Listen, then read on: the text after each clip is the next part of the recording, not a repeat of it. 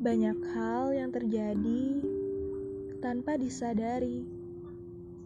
Ketika kembali membuka pesan lama, ada sebuah momen canda tawa, kepedulian, dan pengertian hadir.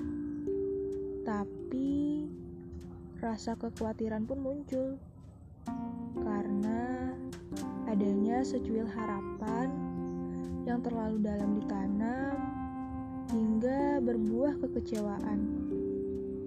Semua terjadi tiba-tiba.